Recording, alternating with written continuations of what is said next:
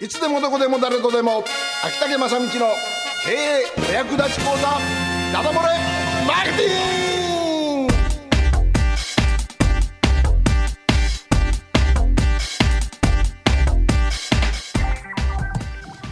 時刻の方は6時を回りました。えこの時間6時からはですね、えー毎週毎週えーあのかなり人気と言われておりますが自分で言うのもなんですが 秋竹正道の経営お役立ち講座ダダ漏れマーケティングということで今日もお送りしたいと思います。今日5回目かな、で、えー先週はですねあのーネーミングということを、えーお伝えしました、えー自分だ、えー自分の会社の強み商品の強みをまず見見出しましょうっていうのがその前の週の、えー独自の売りっていうのが USP を作りましょうっていうんだったんですがその USP をもっと明確に表現するために、えーネーミングは非常に重要ですよ。ということをお伝えしました、はい。で今日はですねそのネーミングまで決まりました。要は売り物ができたということですね。もともと商品がありましたが商品はあるわけですけど、えー商品をもっと分かりやすく、えー売るために、えーお膳立てはできましたと。さあ今から何をするかということで私がお勧めするのはいよいよマスコミリリースでございます。はい。はい。えーマスコミリリースというのはですねあの今日朝一番あー読売新聞の、えー北九州面の一番下の欄にあの今度12日にあります海峡プラザでの親子でチョコレート教室っていうのがですね、えー記事でイベント紹介記事で載ってたんですが、はい。これ普通だったらですね何にも載らないで終わってるんですね。だけど実はああいうふうに載ってるのは仕掛けがあるということで。で載った途端ですよ。すでに一組いきなり電話お申し込み来てます。ほうすごいですね。ええーもうそうですね、うん。お問い合わせとかを含めるとまだあると思うんですが、はい。もう制約1件ですから、もう参加しますって話ですから、えーこれもしその1件をですね普通の広告でやろうと思えば、えー多分少なくとも1000枚ぐらいは、えー巻かなきゃいけないでしょう。ポスティングとかしなきゃいけないでしょうん、その分がなんと無料でもうマスコミさんが、えー掲載してくれて、えー載っけてくれるということですので非常に広告費のですね、えー節約になります。さあ今日はですねちょっと時間オーバーするかもしれないが2時間ぐらいやるところをですね20分でやろうとしてますので。まああのその仕掛けというのは実は、えーっとラジオですからこれ見えないんですが、あのーユーストリームを見られてる方にはね見えると思うんで、えーこういうファックスを1枚ペラッと流しただけです。読売新聞さんにですね、えー流して、えーそれで、あのーなんとこれを読んだ記者の方が書いてくれるってことなんです。だからこれを書くか書かないかファックスで流すか流さないか。でそこで勝負が決まっちゃうわけですね。で私はずっとまちづくりイベントにしてもそれからジジアでの、あのイベントにしても、えこういう形でいつも報道をしてもらってるわけですけどもなぜマスコミに報道させされる必要があるのかっていうことででとにかく今一番かかるのは広告宣伝費です。で特にあの低単価商品の場合はですね、えー安い商品。で干物とか安い部類ですね。家とかは3000万とかしますから、しますね。ね干物とえらい違いなんで。えそういうのはですねどうしてもチラシ代が回収できないとかいうことがあります。それから新しいえー製品の場合はですねやっぱりあのいろんな広告打っても反応が悪いですからまだその信頼がありませんのでだからそこにマスコミさんがメディアで紹介されるとそこに信用性が出てくるということで、えーこのマスコミリリースから報道ということで、え特に新店舗あるいは新商品の場合は成功事例が非常に多いですね。さあこの記事掲載されるメリットはですねえー何しろ無料でお客様が問い合わせてくる今回のイベントですけどもあの1人1組、えー入ってきますとですねやっぱり大きいですよいろんなイベントやっててなかなか集客がうまくいかないっていうのがありますけども、えーこれで、えー一組はあの参加してくださるとですねあの一人も今夜やったらどうしようかっていうようなイベントが結構いいわけですけどえそういうのでもうズバリと、えー安心できるということですね。で特にですねあの結構カリスマ的なテレビがありますね美濃もんたさんとか。はいはい。あの、宮根さんとか、うん、その辺に出るとですね、もう一気に爆発的に売れちゃうっていうのがありまして、うちそれでジジアの事例では関西テレビの「えー、用意ドン」っていうのに出たことがあるんですね。2日間電話2本の電話が置けない。もうトイレ行けないの。もうね、置いたとになるんですよ。だからこれ持っててって誰か置いたらなるからっていうのが2日間続きましたね恐ろしいほど恐ろしいですね。えー、そんなこともあたまたまっていうかそのめったにあることじゃありませんけれども、えー、本当に電話回線がパンクすることがあります。それから、えー、法人相手消費者相手じゃなくてもですね例えば新聞に乗っかってその法人相手でもやっぱこう一気にこう資料請求が3年分たまるようなね報道があったり特に、えー、日経 MJ MJ ですね。MJ うん、うん、そのあたりとかはねやっぱ大きなあの法人相手の場合ありますので、えー、それでまあ会社が救われたっていうのもパターンも結構ありますね。はい、あとこう新聞記事をですね例えば DM の中に入れたりすると反応が2倍に上がったとかそういう事例もざらですね。だからあの掲載されてその時だけの売り上げじゃなくて本当に後々までも、えー、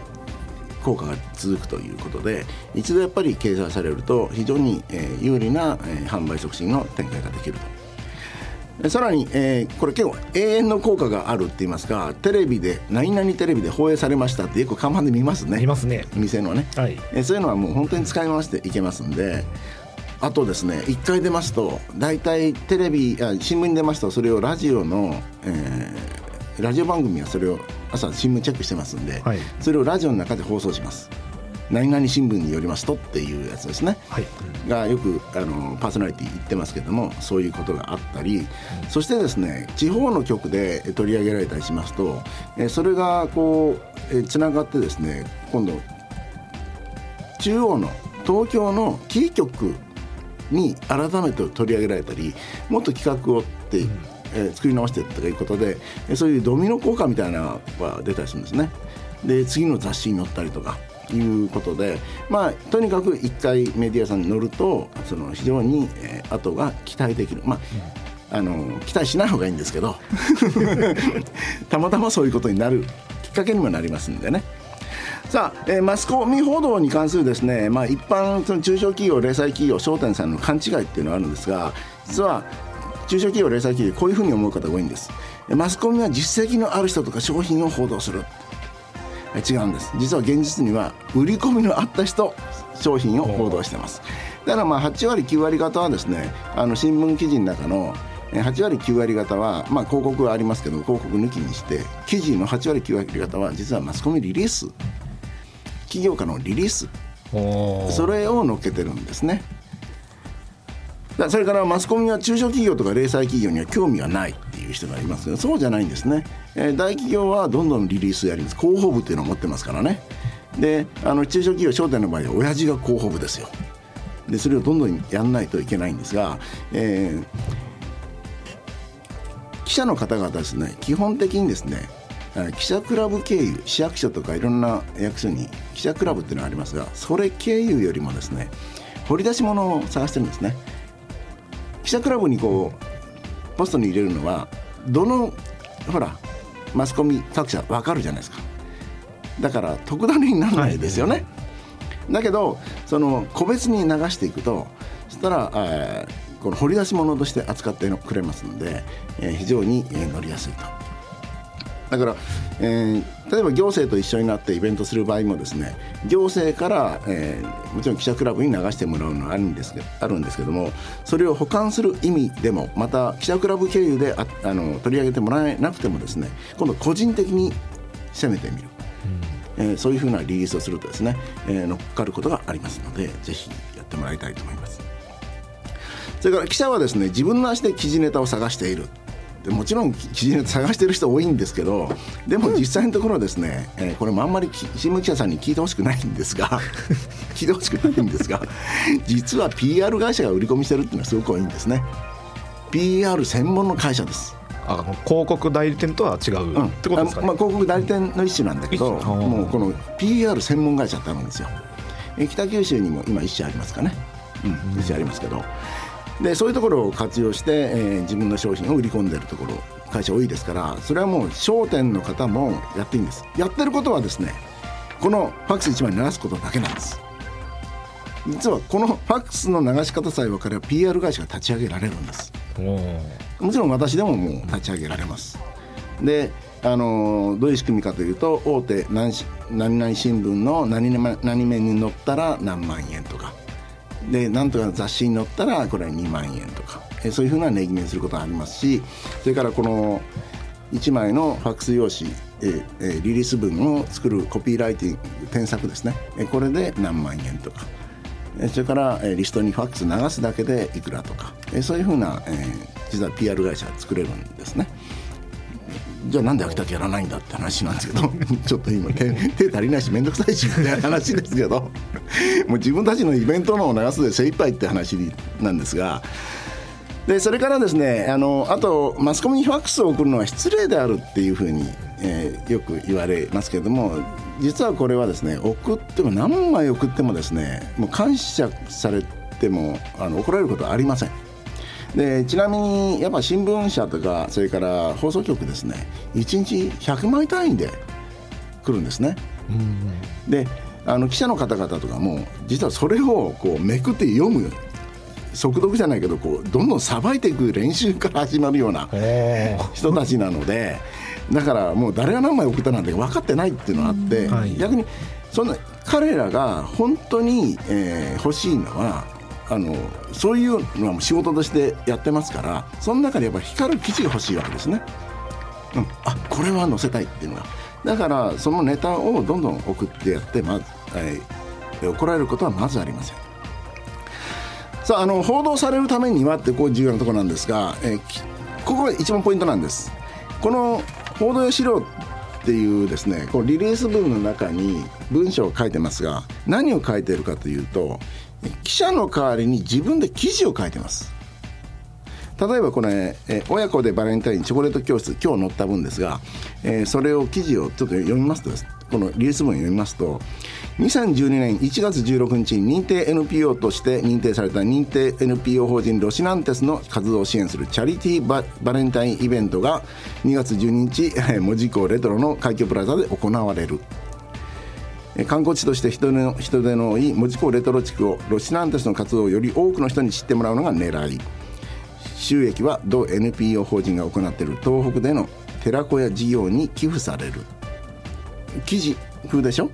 でも最後の方にはですねえー海峡プラザの、えー、飛田マネージャーは海峡プラザには多くのこ子どもたちが遊びに来ます。認定 NPO として登録されたこの機会に子どもたちにもロシナンテスの活動を知ってもらいたいと企画をしたという。ってことが書いてるんです、でもほんの記事なんですねでそうしますとあの記者さんにとってはですねもう自分で本当に文章を作ることから始まらなくてもこれは自分なりにアレンジして載せることができますので非常に楽なんですね。仕事がはかどりますのでまず記事を、え作って送ってあげるってことですね。それから、えー勘違いえーしちゃいけないのがこういうリリース送りゃいいんかっていうで自分の商品紹介をダーッとしてですねもうなんでこれを載せなきゃいけないんだっていうようなつまり新聞はですね広告費で成り立ってますんででこういうリリースが来てもこの商品の売り込みは広告費払えよって話なんですね。ああなるほどですね、うん、払え何のこれを載せる意義があるんだって話になりますのでだから商品のこうパンフレットみたいなのを送っても絶対載りません。絶対載らないですね。でのなんで載せんのかみたいなことを言われる方も中にはいますけれどもこんないい商品よっていうことを言いますけれども、えーまず載りませんねじゃあなんどういうものが載せたいかというとえ記者さんにとってはまず、えー読者が読みたくなるものを載せたいということなんですね。読者が読みたくなるものを載せたい、はい。じゃあ読者が読みたくなるものっていうのはどういうものなんでしょうかってことなんですが4つほどポイントがありまして。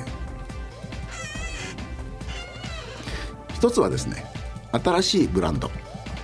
新商品ですな。はいこれはよく載ってますよね大企業でもね。ですね。うん、よく載ってますね。まあこのあたりそれから2番目がですねえー社会に貢献できる活動。要するにボランティア活動ですね。はい。だ商店街あたりで、あのーなんかボランティア活動をやればまず乗ります。イベントがボランティアと絡んでるとまず乗りますね。でそれから、えー調査結果。これはアンケートとかランキング。好きですよねアンケートやらランキングは皆さん大好きです。それからですね、えー今3つ目ですね。4つ目もう一つこれ重要なんですけど極めてバカバカしいもの。この極めてバカバカしいのは乗ります。うん。あのー記者さんもやっぱね人ですからこれは面白いっていうのにこうビビッとくるとですねこれ書きたいってなるんですね。まあそのおかげで出たのはバナナマンみたいなのはもう極めて、あのなんでですかって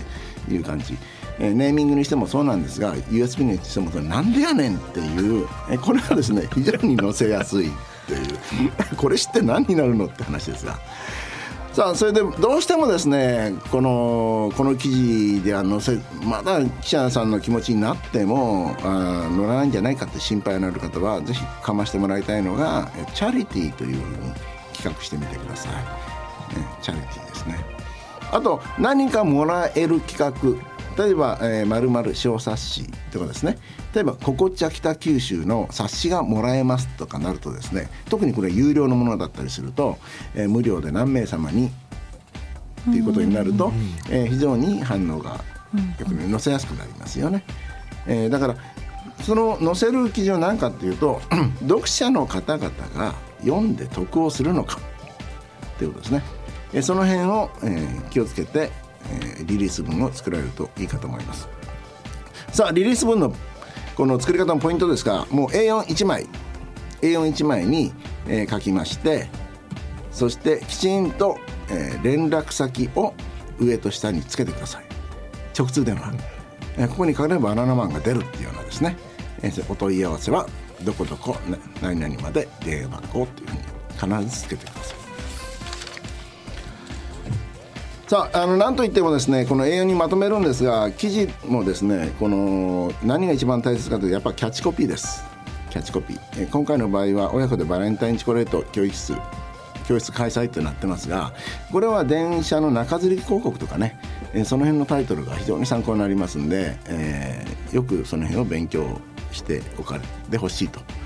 あと取材が決まりました。さあどうしましょうという時に一番いいのはですね、えー想定質問想定質問集をリスあ質問リストをですね準備しておくのがいいですね、